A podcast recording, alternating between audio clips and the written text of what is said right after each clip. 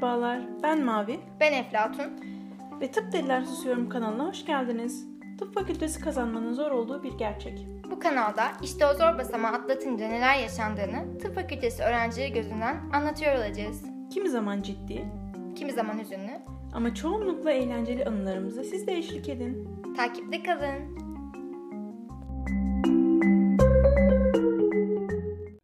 Merhaba gidip de dönemeyen, dönüp de bulamayan, uçup da konamayanlar. Bu güzel girişten sonra hemen Sayın Eflatun arkadaşıma dönüyorum. Nasılsınız Sayın Eflatun?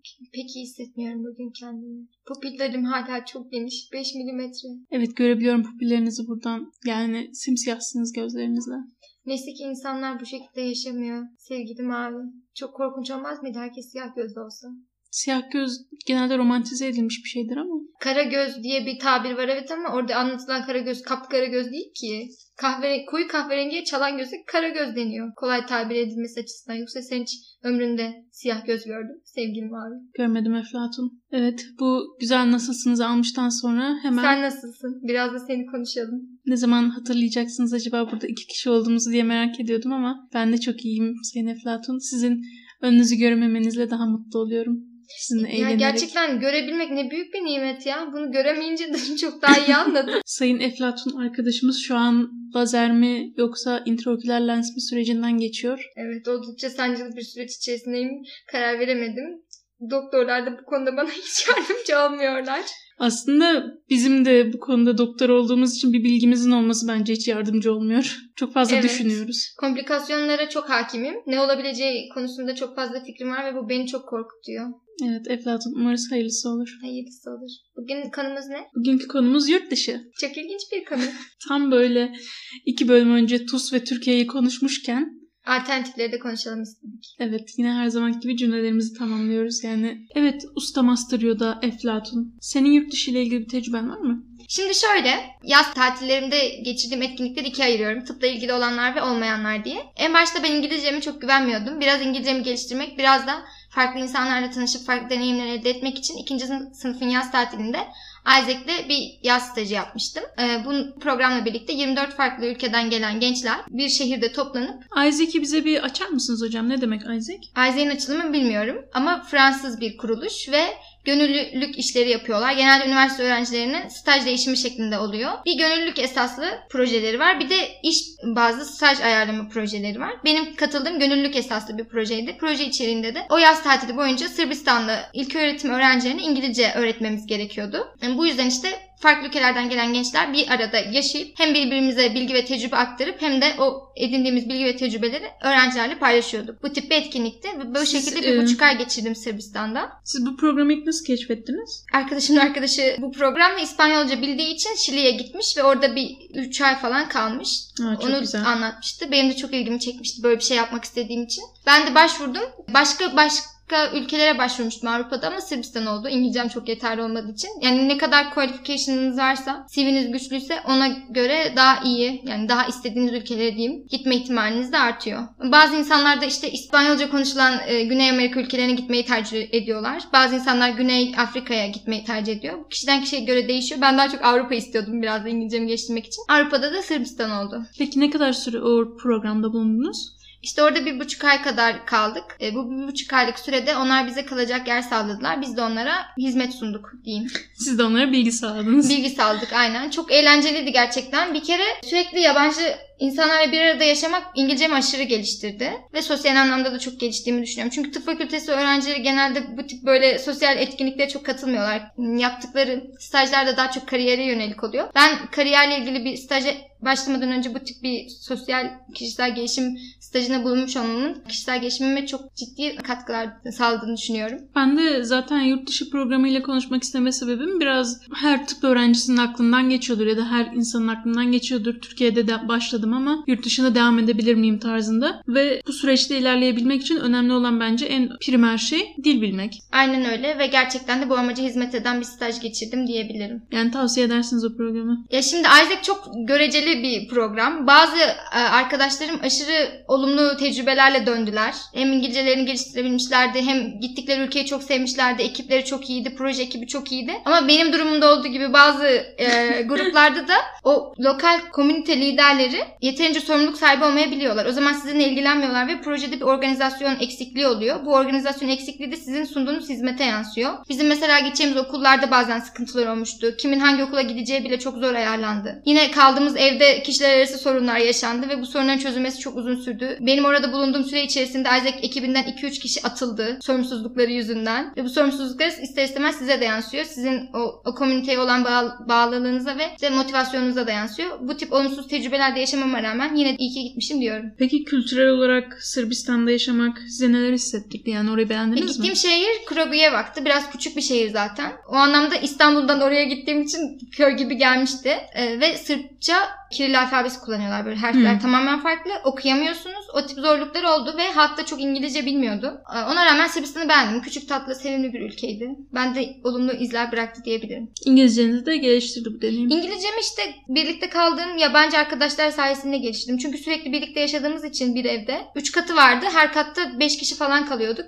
Yatılı yurt gibiydi. Sürekli birliktesiniz. Sürekli ya bir eğlence oluyor ya işte ders vermeye gidiyorsunuz ya bir sosyal aktivite oluyor. Pikniğe gidiliyor işte festivallere katılınıyor falan. Sürekli bir eğlenme durumundasınız ve iletişim halinde olduğunuz için de diliniz ister istemez gelişiyor. Çünkü ben şeye çok inanıyorum. Hani dil kendinizi comfort zone'un dışına çıkarıp zorladığınızda gelişen bir şey. Ve o ortam bana onu sağladı. Orada yaşamak için konuşmak zorundaydım. Kendimi ifade etmek zorundaydım. Zaten bence ikinci bir dil öğreniyorsak onu deneyimleyerek öğrenmek daha kalıcı bir öğrenme sağlıyor. Evet, düz kitaptan okumak hem sıkıcı hem de konuşmanı hiç geliştiremiyorsun o şekilde. Yani ben mesela diyebilirim bir yıl boyunca İspanyolca kursuna gittim. Ama İspanyolca konuşabileceğim insanlar hiç etrafımda olmadığı için ve böyle programlar kullanmadığım için İspanyolcam şu an yine hola, buenos dias, buenos dias kısmında kaldık yani. Şimdi de işin tıpla alakalı olan kısmına Tıpla gelirsek alakalı olan kısmı biraz ilgili. dolan başlı. Şimdi şöyle ben Erasmus yapmayı çok istiyordum. Daha üniversiteye girmeden bu konuyu kafama koymuştum illaki yaparım diye. Sonra araştırdım biraz. Bizim Cerrahpaşa'dan gidilebilecek ülkeler işte Almanya, Çek,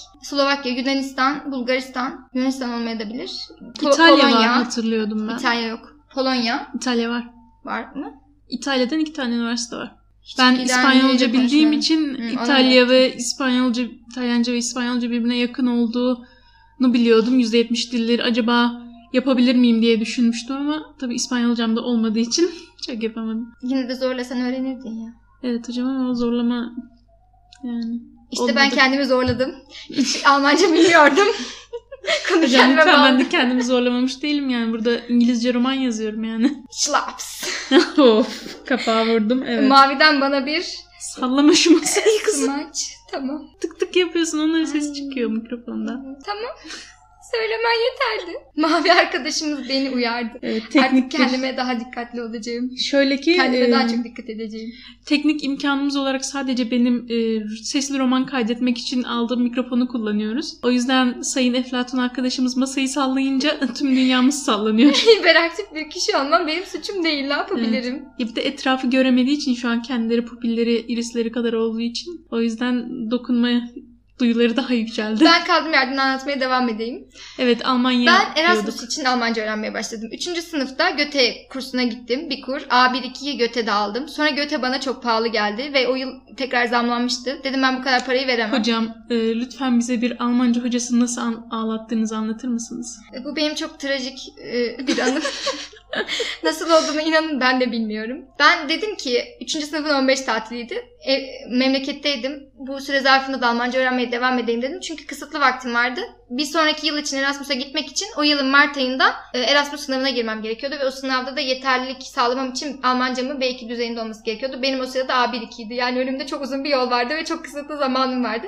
O yüzden mümkün olan bütün boş vakitlerimi en verimli şekilde geçirmek istiyordum. Bu nedenle bir tane özel hocayla anlaştım ve memleketimde çok fazla özel hoca imkanı bulunmadığı için de kısıtlı hocalarla e, bir hocayı seçmiş. Hocam heyecandan çok hızlı anlatmaya başladınız. Benim çok Sonra- sevdiğim bir hikayedir bu. Lütfen tadını çıkartmak istiyorum. Sonra hocayla etüt merkezinde buluştuk. En başta beklentilerimizi konuştuk karşılıklı. Ben ondan işte A, B, B2 seviyesine gelmem gerektiğini ve bunu en kısa sürede yapmam gerektiğini ifade ettim. O da bana tamam o zaman işte şu materyalleri kullanırız, bu şekilde ilerleriz gibi bir program çizdi. Haftaya görüşmek üzere anlaştık. Ben hayatımda o güne kadar hiç özel ders almamıştım. Yani defalarca kere dershaneye gittim ama dershane mantığında daha toplu eğitim alınır. İşte sınıfta tek olmazsanız hocayla göz göze gelmeniz nadirdir yani 20'de bir 20 öğrenci varsa. Aslında. Ama özel derste hoca sizin gözünüzün içine bakıyor. Ne derseniz dinliyor. Başka ses çıkmıyor kimseden. Bu durum benim çok tuhafıma gitti. Gerçekten adapte olmadım. Hiç o şekilde öğrenebilen bir insan değilmişim. O an anladım bunu. Neyse hoca ders anlatmaya başladı bir şekilde. Ama hocanın anlattığı tarz ve kısımlar benim zaten bildiğim kısımdı. Çünkü Siz önceden hazırlandınız. hem öyle hem de biz Göte'de A1-2 hani başlangıç gibi görünebilir ama Göte'nin sistemi biraz da şey A1-2'de biz A2-1'i de aslında görmeye başlamıştık. Sadece A1-2 vermiyordu hoca. Üstten üstten de veriyordu biraz. Yani B, B, mi B oluyor kadar değil. Aa, A2-1. Şimdi Almanca'da kurular şöyle Tamam. A1-1, A1-2, B A1-2, A2-1, A2-2, sonra B1-1, Anladım. B1-2, Tamam. B1-3 diye gidiyor. Sonra B2-1, Değişik. B2-2, B2-3, sonra C1. Yani çok daha zor olduğu için İngilizceye göre Anladım. kurları da daha detaylı. Ben biliyordum hocanın benim e, öğrenmem için getirdiği materyallerdeki her şeyi hemen cevapladım. Hoca bir şey soruyor ben hemen söylüyorum. Hoca galiba kendini işte yetersiz hissetti benim karşımda ya da bilmiyorum belki de farklı bir öğrenci profil bekliyordu karşısında. Çok şaşırdı. Ne olduğunu anlamadım. Bir anda eşyalarını toplamaya başladı ve ağlayarak sınıftan kaçtı. Siz bildiğiniz için onun dediği şeyleri. Ben anlamadım gerçekten. Sonrasında da ne oldu ya diye böyle bir 5 dakika duvara baktım. Şok oldum çünkü.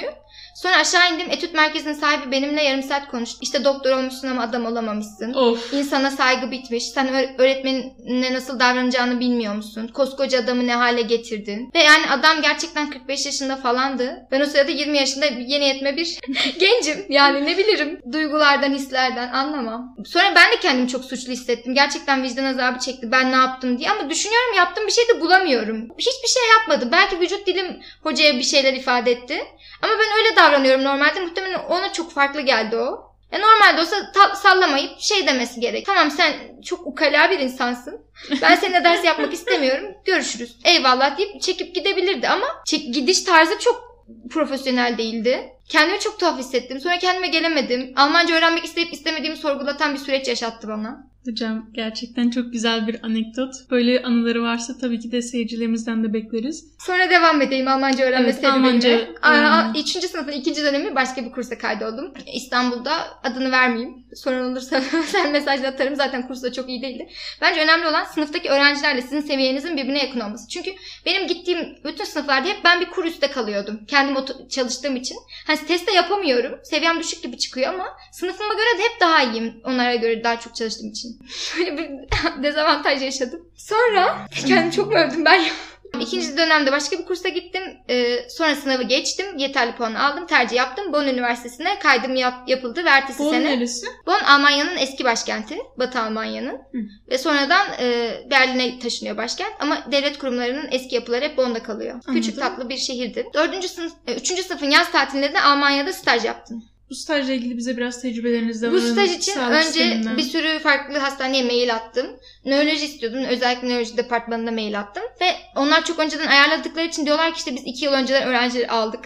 Staj yapacak kişiler belli. O yüzden biraz Almanya için erken davranmanız gerekiyor. Önceden ayarlıyorlar. Çok planlılar. Ben mesela iki yıl sonrası için plan ha, hiçbir şey düşünemem. Onlar staj yapacakları yeri, hastaneyi, bölüm her şeyi çok önceden belirliyorlar. Bunu bilmeniz lazım. Neyse bir hoca tamam gelebilirsiniz diye bize kabul maili attı. Ondan sonra yurdu ayarladık. Gittik bir ay orada nöroloji bölümünde staj yaptım. Hatta orada Türk bir hocayla tanıştım. E, MS ile ilgilenen bir hocaydı. Bize çok yardımcı oldu. Hocam şimdi ben mesela tıp okudum. Almanya'da çalışmak istiyorum. Bunda ne yapmam gerekiyor? Mezun oldun mu? Mezun oldum. Mezun olmadan önce öncelikle ya Erasmus ya da bir şekilde internlük yılında oraya gitmen lazım. İyi olur yani CV'm için. Hiçbirini yapmasan da Almancayı C1 seviyesine bilmen gerekiyor. Yani Almancamın en üst düzeyde olması lazım. Evet. Önceden B2 ile kabul ediyorlarmış ama sonradan çok fazla talep olunca ve başka ülkelerden de gitmek isteyen doktorlar olduğu için şu an C1 seviyesine çıkarttılar. Peki hocam burada genel bir TUS gibi bir sınav mı var yoksa direkt şehir şehir ayrı bir prosedür mü var? TUS gibi bir sınav yok. Şöyle söyleyebilirim. Almanya'nın bazı eyaletleri bizim diplomamızı denk sayıyor. Transkriptinizi sunuyorsunuz. Ben bu dersleri şu kadar ders saati süresince gördüm diye. E, ama genelde diyorlar ki üzgünüz biz kendi ülkemizde daha fazla ders veriyoruz. Siz bazı dersleri hiç almamışsınız. Denk değil eğitiminiz bizim Hı. eğitimimize. Sizin o durumda iki alternatifiniz var. Birinci alternatifiniz o eksik saydıkları dersleri alabileceğiniz staj ya da kısa kurs- kurslara katılıp o da o eğitimleri aldığınızı belgelemek ve bunu sunmak. Bunu kabul edebilirler, etmeyebilirler. İkinci alternatif de direkt e, denklik için bir sınav var. Kenntnisprüfung denen.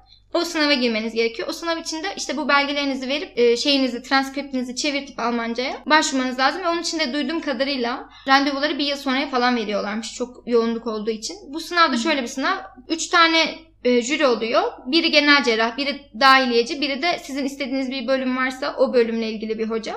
Size soru soruyorlar. Klinik vaka soruyorlar. Siz de işte hastayı sunuyorsunuz. Tedavinizi ne düşündüyseniz onu anlatıyorsunuz. Peki Almanya'ya gittiğimde direkt bu sınavları geçtim hemen başlıyor muyum? Bu sınavları geçmeden başlayabilirsin ama asistanla başlayamazsın. Hmm. Buradaki Be- pratisyen Be- gibi oluyor? Erlaubnis denen bir belge var. Bu çalışma izni. Bu çalışma iznini alırsan çalışmaya başlayabilirsin. Ee, eğer Kenntnisprüfung'u geçip diploma denkliğinde alırsan asistanla başlayabilirsin. Yani Ona da biraz aprobasyon diyoruz. Yani meslek denkliğini alman aprobasyon deniyor. aprobasyon. Yani biraz araştırılması gereken Evet Yoğun çünkü eyaletten eyalete değişen, e, bürokratik süreci çok uzun olan bir işlem. ve tıp öğrencisiysen önceden karar verip oraya gidip bir staj almak gerekiyor ve Erasmus olsun veya yaz stajı observer olarak. Ya bu hem CV'niz için önemli hem de neyi istediğinizi anlamanız açısından çok önemli. Çünkü hiç görüp e, gör hiç görmeden fikriniz olmuyor yani. Ben nasıl bir ülkede yaşayacağım, bu ülkenin kültürüne, insanlarına, hastaların bakış açısına, doktorlar nasıl yaşıyor, çalışma şartları ne, maaşlar ne? Gidince görüyorsunuz biraz. Sizin orada kültürel olarak gözlemlediğiniz yine Sırbistan gibi bir şey var mıydı? Ya açıkçası Almanya'da çok fazla Türk olduğu için Türklere karşı bir önyargı var. Ben yine bireysel bir şey yaşamadım ama orada konuştuğum Türklerde özellikle tıp fakültesinde bulunan Türklerde e, bu tip durumlar yaşadıkları ile ilgili yorumlar aldım. İşte staja kabul edilmeyen olmuş. Başörtüsü yüzünden bir kıza işte seni ancak temizlik görevlisi olarak işe alabiliriz denmiş. Tıp öğrencisi kızı. Evet. 5. sınıftaydı ve ona böyle söylenmiş. O kadar üzüldüm ki. Hmm. Ve sonuçta kız ana dili Almanca, Almanya'da doğup büyümüş. Her türlü orada yetişmiş bir insan. Onların eğitim sistemiyle yoğrulmuş. Ona rağmen bu tepkiyi alıyor. Düşünsene. Peki sahip olduğunuz tecrübeyle orada da yaşadığınız, gördüğünüz bir 6 ay veya daha fazla bir süreçte tekrardan oraya gidip ben burada devam etmek istiyorum doktor olarak der misiniz? Ya açıkçası dönerken işte burada kalmalıyım gibi bir düşünce hiç yoktu kafamda. Hem gurbetçilik biraz zor geldi. Hem de Almanya'yı çok sevemedim bu dediğim şeyler yüzünden. Bir sıcaklık yoktu gerçekten. Hatta eksine soğukluk vardı. Hastanede böyle bilmiyorum ben öyle hissetmiş de olabilirim ama zorlandım yani. Almancam da çok iyi olmadığı için zorlandım. Bir şekilde bu ülkede yaşarım, bu ülkeye aidim gibi hissedemedim. Belki de 5 ay çok kısa bir süre bunu hissetmek için. Zaten öyle hissetmemem normaldir, bilmiyorum. Ama bu bürokratik süreçler de zor, zor ve uzun geldiği için şu anlık Almanya düşünmüyor gibiyim. Ama gelecekte ne olur bilinmez. İstersen sen de bize İngiltere'de uzmanlık süreci hakkında bilgi ver. Sonra da senin stajlarına gelelim. Demin Erasmus'tan bahsetmiştik. Şöyle bir küçük bir lafı geçti. Nasıl tercih ettiğinizi bize anlattınız. Peki öğrenci olarak Erasmus'ta Almanya'ya gittiniz. Bunu biraz bizim Cerrahpaşa ve Almanya boğun olarak karşılaştırabilir misiniz eğitimi? Tabii ki. Şimdi bence teorik kısımları çok benziyor birbirine. Yani öğleden sonra amfi dersleri oluyordu. Cerrahpaşa'da da oluyor, orada da oluyordu. Ve aynı şekilde hoca geliyor, dersini anlatıyor, çıkıyor, gidiyor yani. Bir katılım zorunlu değildi. Ama pratik kısmında ciddi farklar vardı. Öğrenci sayısının az, ol- az olmasıyla ilgili olduğunu düşünüyorum bunu. Size en baştan, stajın en başından uymanız gereken tablolar çizelgesi veriliyor ve bütün hocalar zamanında olmaları gereken yerde oluyorlar. Ve sizin hangi odada, hangi işte koridorun hangi tarafında durmanız gerektiği bile o ince programda yazıyor. Çok Tam detaylı rüyalarımızın programı. Gerçekten çok iyiydi o açıdan. Çok programlıydı. Hiç, ben şimdi ne yapacağım sorusuna gerek kalmıyor. Her şeyi sana en başta veriyor. Gün gün. Ve ondan hiç sapmıyorlar. Hiçbir değişiklik olmuyor yani. Ee, hocaların işte yok ameliyatım çıktı gelemeyeceğim bugün staj yapamayacağım demesi gibi bir durum asla söz konusu değil. Ve eğitimleri genelde profesörler veriyor pratik eğitimleri. Arada birkaç kere e, asistanları verdi. Ee, onun dışında öğrenci sayısının az olmasından dolayı maket eğitimlerinde işte mesela dikiş eğitimi olmuştu sütür eğitimi. Onda ciddi fark gördüm. Yani Cerrahpaşa'da biz öyle bir maketten eğitim almadık cerrahi anlamda. Orada bildiğin dikiş m, seti veriyorlar ve sana 3 saat boyunca pratik yapma imkanı sunuyor. 3 saat boyunca. Evet. Düğümleri falan tek tek gösterdiler. Ortopedi alçı ile ilgili bir ders olmuştu. O alçıyı yap kendimiz. Herkes tek tek alçı yaptı arkadaşının koluna. Sonra Ben tıp fakültesiyle ilgili en sevdiğim şey birbirine kurban olmak. Herkes bir gün denek olacak. ya gene İstanbul ya Cerrahpaşa'da böyle yapılmadığını duydum. Herhalde bir kişi hoca asistan bir kişinin üzerinde göstermiş o kadar. Herkes onu görmüş. Evet. Bizde herkes tek tek yaptı onu. Uygulama Hmm. bu şekildeydi. Gerçekten güzel eğitim olarak o zaman. Uygulamalı eğitim olarak. Evet. Baş sallamanızı E bir de biz şey görmüyoruz sözlü hocam. de çok farklı bir şey oldu. Ben onu hiç beklemiyordum. Sözlüğe girdik. Sözlü mantığı da aynı. Dört kişi giriyorsunuz. E, iki hoca vardı. Bizde genelde o, hangi derste o hoca olur. O sözlü yapar. Bizde iki hem ortopedici hem genel cerrah hocası aynı anda sıradaydı. Bir biri soruyor. Sonra diğer kişiye geçiyor sıra. Diğer hoca soruyor. Sonra diğer kişiye geçiyor. Gene ilk hoca soruyor. Bu şekilde çapraz çapraz gidiyorlardı. Ve 7 dakika süre sabit. Hocalar telefondan ayarlıyorlar 7 dakikayı. Bitince alarm ötüyor ve 7 dakikayı aşamaz Kesinlikle. Yani 7 dakika boyunca sınav 7 yapıyorsun. dakika ama sınav süren sabit 7 dakika. Daha Hı. kısa da olamaz, daha uzun da olamaz. Standartize. Bu hoşuma gitti. Şey hoşuma gitmedi ama sınav bitti. Sonra bizi dışarı çıkarttılar, not verdiler, geri girdik odaya ve neden o not verdiklerini açıkladılar. İşte senin şununu beğenmedim, şunu çok kötü cevapladın, bundan iyiydin. Ama bu çok güzel bir özellik. Hem pozitif feedback hem negatif feedback. Şimdi ben bir feedback olayına alışkın değilim. İki Almancam kötü olduğu için zaten sözlük çok iyi geçmemişti. O yüzden ne kadar neyi yanlış yaptığımı duymak hoşuma gitmedi doğal olarak. Ve biraz utandım yani orada gerçekler yüzüme vurulduğu için. Ee, Ama açıkçası yani sözden sonra hoca beni geri çağırıp senin bunu böyle dediğin için sana bu puanı verdim dese bana daha çok daha çabuk uyanırdım ben. Yani buna dikkat etmem gerekiyor, buna çalışmam gerekiyormuş. Burada eksiğim derim o zaman. Şimdi benim kendi sistemimizde, bizim Cerrahpaşa sisteminde ben sözlüden çıktım. Hoca puanı veriyor. Aa geçmişim deyip eve gidiyorsun ve o stajla ilgili, o komiteyle ilgili her şeyi unutuyorsun. O konuda haklısın. Peki e, sen bize bahsetmek ister misin yurt dışı staj tecrübelerinden sevgili Mavi? Tabii ki de Eflatun. Yurt dışında nereye gittiğimi bilmek ister misin? Çok bilmek istiyorum gerçekten. Ben e, yurt dışıyla iki farklı ülkeye gittim. Avustralya ve Amerika olmak üzere. Avustralya'da Batı Avustralya'ya gittim. Önce nasıl staja başvurduğunu anlat istersen. Önce şeyden bahsedeyim. Ben bu ülkeleri seçme sebebim yine bahsettiğimiz gibi dildi. İngilizceyi biliyordum. Ona hazırlanmıştım. Yani İngilizce benim çok sevdiğim bir dildi. İngilizce konuşulan bir yere gitmek istiyordum. Avustralya'da benim o yıl sevdiğim alan 3. sınıfın sonunda. O zaman benim aklımda düşündüğüm bu alanı olmak istediğim alan psikiyatriydi. İnanır mısın Sayın Efe Hatun? Bence sana çok uyumlu. Teşekkür ederim. Kendime sırf bu iltifatı alayım diye soruyu sana yönlendirdim. Niye insanları kırmızı koltuğa oturtup hadi çocukluğunuza dönelim diyecek bir tip gibisin. Tabii ki de. Neyse. E, psikiyatriyi sevdiğim için orada e, Avustralya'da çeşitli büyük şehirler vardır. Yani m, Avustralya tamamen ortası çöl olduğu için kıyı kenarlarına yerleşmiş bir ülke. Tabii ki de orta alanlarda yine yaşayan insanlar var ama genel olarak gelişmiş kısımları doğu ve batı olarak ayrılıyor. Ben Western Avustralya'ya gittim. Oradaki üniversiteden ayarladım stajımı.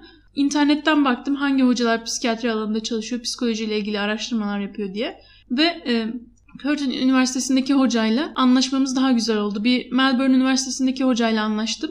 Ama e, Curtin'deki hoca bana iki ay boyunca kalıp orada hiçbir ücret ödemeden kendi araştırmamı yapma olasılığını verdiği için Curtin Üniversitesi'ni tercih ettim. Avustralya e, tıp alanında benim sevdiğim ülkelerden biridir açıkçası. Gelişmiş bir yer ve e, İngiltere ile benzer sınav prosedürleri olduğu için de daha gidilmesi kolay diyebiliriz. Ve Avustralya daha çok kibar olarak bilinir, insanlara arkadaş canlısı olarak bilinir. Öyle miydi? Öyleydi diyebiliriz genel olarak. Bunu tam biz Türk ve Müslüman olduğumuz için orada onun ayrımcılığını tabii ki de hissediyorsun. Çünkü orası Ama Müslüman olduğun belli oluyor mu? ben orada çok Müslümanlarla takılıyordum o yüzden. Ha, yanındakine bakıp mı aa bu kız Müslüman diyorlar. De ben ilk gittiğimde Curtin'de orada e, tam mescit çok uzaktaydı. Hocaya dedim ki hocam ben bu laboratuvarın şurasında namaz kılabilir miyim dedim. Hoca da izin vermişti. Oradan ilk günden Müslüman olduğumu belli ettim. Hemen. Öyle kenarda koridorun arkasında namaz kılıyordum. Yanımdan insanlar geçiyordu falan. Değişik bir tecrübe. Avustralya'yı düşünen insanlara tavsiye ederim ama şunu göz önünde bulundurmak lazım. Türkiye'ye gidiş dönüş 17 saat yaklaşık ve daha uzun olabilir. Ben gidişim 17 saat sürmüştü. Dönüşüm 20 saat sürmüştü uçakta. Yani önce Katar'a iniyorsunuz, Dubai'ye iniyorsunuz. Ondan sonra tekrardan düz olarak Avustralya'ya gidişiniz 10 saat sürüyor. 10 saat boyunca uçaktasınız. Arada yürümek gerekiyor. Öyle ayaklarınızı açmanız gerekiyor. Allah korusun bir DVT falan olmasın diye. Soru sormadığınız için Sayın Ha, Eflatun. benim aklıma bir soru geldi. Hemen alalım soruyu. Üniversitede nasıl bir şey proje yaptın? Ben onu merak ettim. Hoca proje yapmana izin vermiş ya özgürce. Evet. Hocanın alanı daha çok korku üzerindeydi ve korku şartlanması üzerindeydi. O yüzden ben de onunla ilgili bana okumam gereken makaleler verdi, izlemem gereken videolar vermişti gelmeden önce. Ve onları ben izledim, baktım. Hocayla hocayla birebir konuşma imkanım vardı benim. Hı hı. Sonra haftalık lab toplantıları oluyordu. Hocanın bana anlattığı makalelerden bir tanesinde korku koşullanmasıyla alakalı bir deney stili vardı. Mesela örümcek resmi gösteriyorsunuz insanlara. Sonra hemen gülen bir insan resmi gösteriyorsunuz ve bunları hızlıca yaparak, sağlı sollu değiştirerek yaparak e, bir yerden sonra bu sefer o insan resmini örümcek resmiyle eşleştirmesini sağlayıp ondan korku dürtüsü oluşmasını sağlıyorsunuz. Ya Bunun- da tam tersi. Korku ya da tam tersi. Evet. gülümseme dürtüsüyle değiştirmiş oluyorsun. evet ve bunun Bunu zaten ölçümünde... fobilerde kullanıyorlar herhalde. Değil mi? Tedavi olarak. Evet. Örümcek fobisi, yılan fobisi.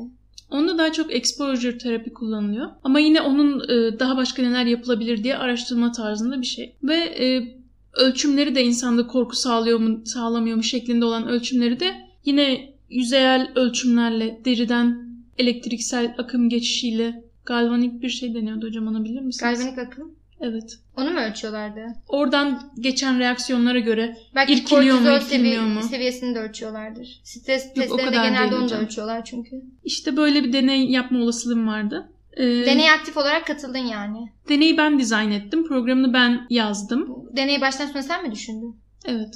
Hocayla birebir konuşuyordum. O beni kontrol edip yönlendiriyordu. Sonra ben de yazıyordum falan ve bunun için denek öğrenciler bulmam gerekiyordu. Ee, üniversitenin de böyle bir sistemi var, altyapısı var. Öğrencileri belli bir onlarda öğrenim kredisi karşılığıyla gelip deneylere katılıyorlar ve öğren- öğrenim kredisi alıyorlar diyelim. Benim deneyimi de böyle internete koymuştuk öğrencilerin ne diyeyim portalına ve onlar da bakıp işte bir kredi falan veriyorsa hemen gelip onun kısa bir sürede 15 dakikalık deneyini yapıp gidiyorlardı. Peki makale çıkartabildin mi bu araştırmadan? Şöyle ki e, psikolojideki birçok araştırma olduğu gibi bu araştırma da çok bir yere gidemedi.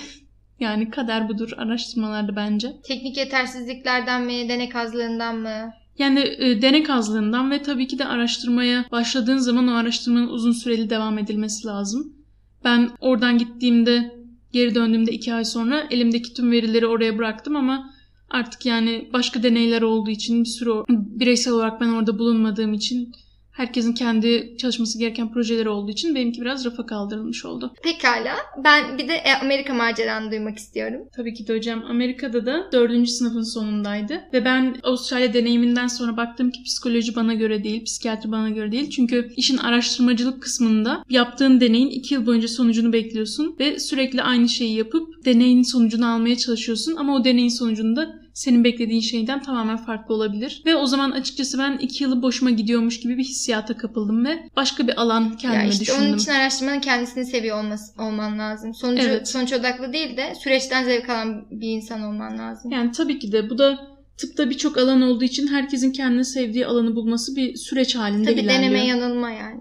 Tabii ki de yani tek nokta atışı yapmak herkese nasip olmaz. O yüzden Amerika'ya gittiğimde bu sefer kadın doğum düşünüyordum. Ve Psikiyatriden kadın doğuma 180 derece bir dönüş olmuş. tabii ki de tamamen çok farklı alanlar. Biri cerrahili nöbetli, biri de böyle nezih nezih muayenehanelerde kırmızı koltuklarla değil mi? İkisinde de bir kırmızı olayı var ama.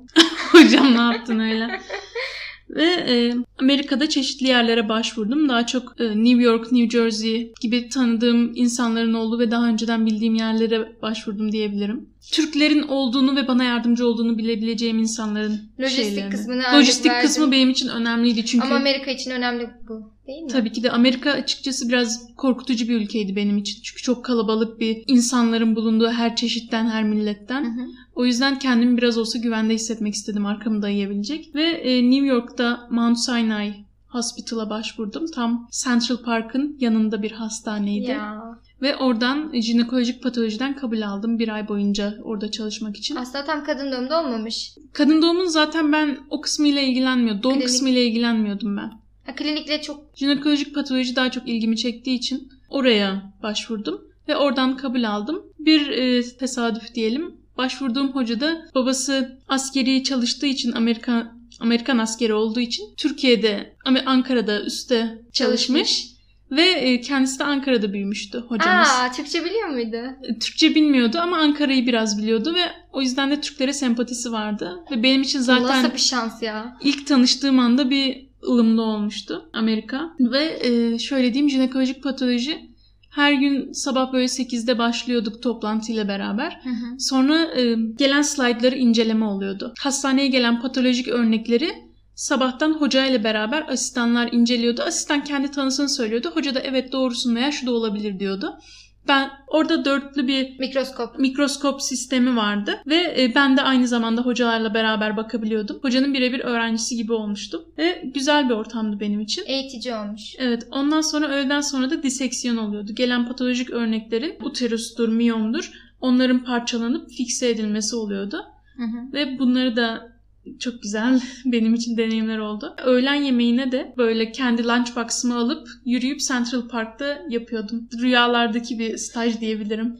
Ve bunun için de para ödemedin değil mi? Yok. Observer namıyla bulunduğum için orada bir ücret ödemedim. Namı yürüsün. Namım yürüdü. Arkamdan. Aynen. Ama e, yani şöyle diyebilirim. Amerika Avustralya ile kıyaslarsam benim için daha güzel bir deneyimdi. Çünkü orada her milletten ve her çeşitten insanlar olduğu için benim korktuğumun tersine daha çok daha kolay kabul görme imkanım vardı. Mesela benim hocam Yahudiydi. Onun yanındaki hoca Hristiyandı. Bir Yan odadaki hoca gaydi. Yani çok karışık bir toplumdu. Çok rahat oraya uyum sağladım ve garipsenmedim. Aşırı mutlu etti beni Avustralya'dan sonra. Avustralya'da bu senin için sorun olmuştu yani. Şimdi orası daha kapalı bir toplum olduğu için biraz kendi işlerindeler ve dışarıdan bir insan geldiğinde çok belli oluyor. Hmm. Ama Amerika'da kimin senin nereden olduğu belli değil. Zaten önemli de değil bir noktada. O zamanlar öyleydi daha doğrusu diyelim. Peki vize süreci sorun olmuş muydu? Sorun olmadı. Ben zaten oradaki hastaneye başvurduğumda bir kabul mektubu bana yolladılar. Ve bununla beraber vize başvurusuna gittim. Ve çok kolay bir şekilde vize başvurusunu yapıp vizemi aldım. Çünkü e, öğrenci vizesi almama gerek olmadı observer olarak gittiğim için. Orada B1 vizesi, B1, B2 oluyor. Turist vizesiyle gidip orada observerlık yapabiliyorsun. Soru sorulmadan. Ben şimdi şeyi merak ettim. Diyelim ki ileride yurt dışında çalışmak istiyorsun. Senin için Avustralya mı daha cazip yoksa Amerika mı? Hangisini isterdin? Evet hocam güzel bir soru. İkisiyle de ilgili tecrübem var diyebilirim. Yani dedim daha doğrusu. Ve baktığım zaman aslında ben Avustralya benim için daha ön planda. O kadar şey dedim Amerika'nın kültürel ortamı daha iyi dedim ama Amerika'nın sağlık sistemini ben sevmiyorum. Tamamen e, kapitalizmin yönlendirdiği bir sağlık sistemi var ve ben sağlığın herkesin ücretsiz olarak karşılayabileceği bir şey olması gerektiğini düşünüyorum. Yani Amerika'da ufak bir nezle için gitsem adam bana 20 bin dolar faturayla geri eve yollayacak.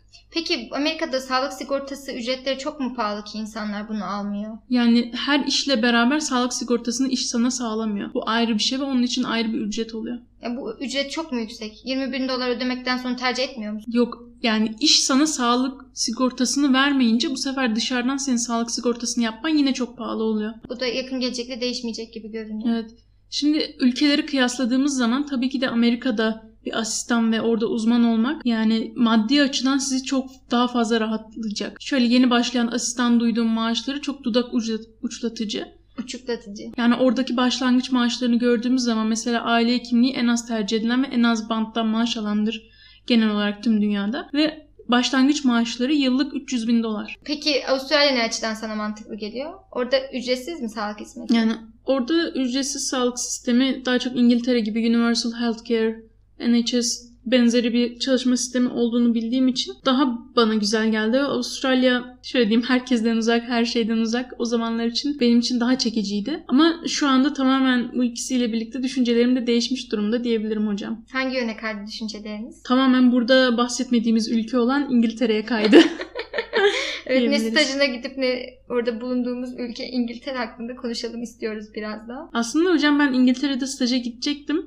Ama korona sağ olsun gidemedim. Aa, aslında gitsen iyi olurdu gerçekten. Evet, Evet. biraz İngiltere'nin sağlık sistemi ve orada uzmanlığa başlama sürecinden bahset istersen. İngiltere'de e, şöyle bir sistem var. PLAB sınavları dediğimiz bir sistem var. PLAB 1 ve PLAB 2 oluyor. Bunlar da genelde TUS dediğiniz zaman TUS'tan daha kolay herkesin dediği şekilde. Tabii ki de biz daha görmedik bununla. Size şu an Ya kulaktan ben şöyle bir göz ucuyla baktım Plap 1'in sorularına. Zaten bir çıkmış soru bankası var. 3000 soru falan varmış orada ve tekrar ediyormuş sorular. Yani görebildiğim kadarıyla sorular klinik tuz sorularına benziyor. Temel soru pek yoktu. Yaklaşım soruyorlar. Bu hastada ne düşündün? İlk hangi tetkiki istedin? Yani şöyle diyebilirim İngiltere için. Bu konuda hazırlanmış rehberler var, gruplar var, Facebook'lar, Facebook grupları var, Telegram'lar var, WhatsApp'lar var ve e, orada yaşayan insanların tecrübelerini yazdığı kitaplar var. Benim için en yönlendirici olan bu kitap, bu kitaplar oldu. Ve İngiltere'nin hem sağlık sistemini hem oradaki daha doğrusu iklimi seviyorum ben hocam. Kapkaranlık, yağmurlu. Ama hiç o kadar uzun bir süre o tip karanlık bir iklimde yaşadın mı? Bu uzaktan romantize edilen yağmurlu genç kız camın önünde duran elinde kahvesi olan fotoğrafı zihninde canlandırıyor olabilir misin? Hocam balonumu patlattınız. Ee, tebrik ederim sizi bu konuda. Neyse e, şöyle diyelim İngiltere... Uçan balon. Uçup da konamayan balon mu? Evet uçup da konamayan balonumu patlattınız. İngiltere ile ilgili orada bireysel bulunarak bir tecrübemiz olmadığı için bence burada atıp tutmamız biraz yanlış E, Tabii olur. bütün İngiltere ile ilgili söylediğimiz her şey okuduklarımızda, dinlediklerimizde, izlediklerimize dayalı. Bildiğimiz orla ilgili yine bir belli bir sınav sistemi var ve İngilizcenizin çok iyi olması gerekiyor orada tutunabilmeniz için. E, tabii ki yani ana dil İngilizce olan bir ülkede aksi de düşünülemezdi.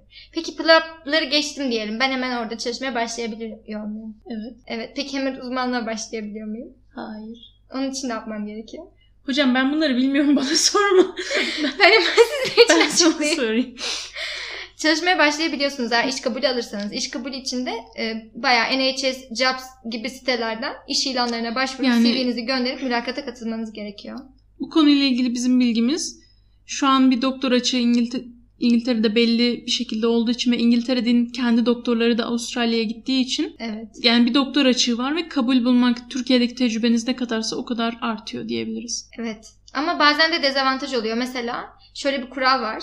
Çok ilginç gelmişti bana okuduğumda. Diyelim ki asistanla başladın Türkiye'de ve 18 ayın üstünde bir asistanlık yaptın. Anestezi bölümü için konuşuyorum.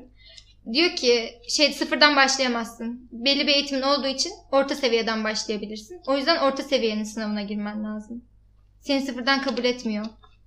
Ve orta seviye sınavı da bir tık daha zor yani kabul almak için. Yine de hocam bu programı şöyle noktalayabilirim. Hiçbir sınav tuz kadar zor olamaz. Ya, o zaten öyle. Senin de burada tahmin ettiğim söz hiçbir zaman hiçbir sınav ahiret sınavı kadar zor olamaz demeni bekliyordum açıkçası. Ben bunu nasıl söylemedim? Ama Tam gerçekten- söylemek üzereydim ağzımdan çaldın.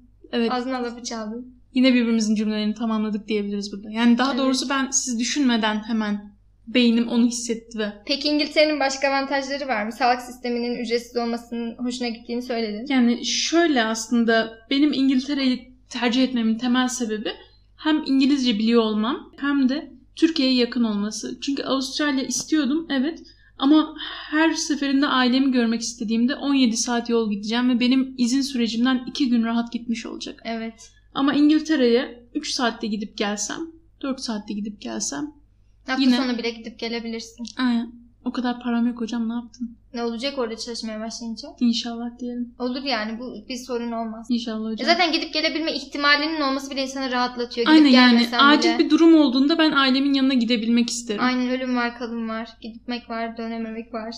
Bunları Dönüp de bulamamak var. Bulup da konamamak var. Nereye konuyorsak. Uçtum çünkü. evet bu da intromuzun bahsettiği ciddi episodlarımızdan biri oluyor değil mi hocam? Evet. Çok ciddi oldu bu bölüm ya. Hiç Bu bölüm- bilmedik. Niye böyle oldu? bölüm sonu öz eleştiri. Çok konuşmak istiyoruz biz aslında bu konuda ama bir yandan da bölümü bir saate yaklaştırmak istemiyoruz açıkçası.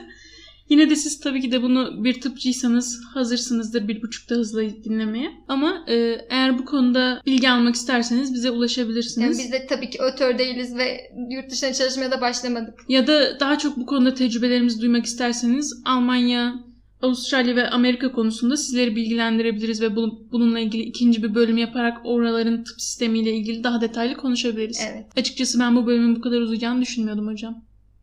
Daha konuşmadığımız İngiltere'nin dezavantajları kaldı. Bir, bir sürü şey de konuşmadık bilmiyorum. Aslında bir part 2 istiyor bu İstiyor bölüm. gibi evet. Bakalım Evet. belki olur. Böyle part 2 umudu part 2 part 2 umuduyla bölümümüzü sonlandırıyoruz. Ben Mavi. Bize İspanyolca hoşçakal der misin? Buenas noches. Cheers! Ben Mavi. Ben Eflatun. Bir sonraki bölümde görüşmek üzere. Tus dediler susuyorum.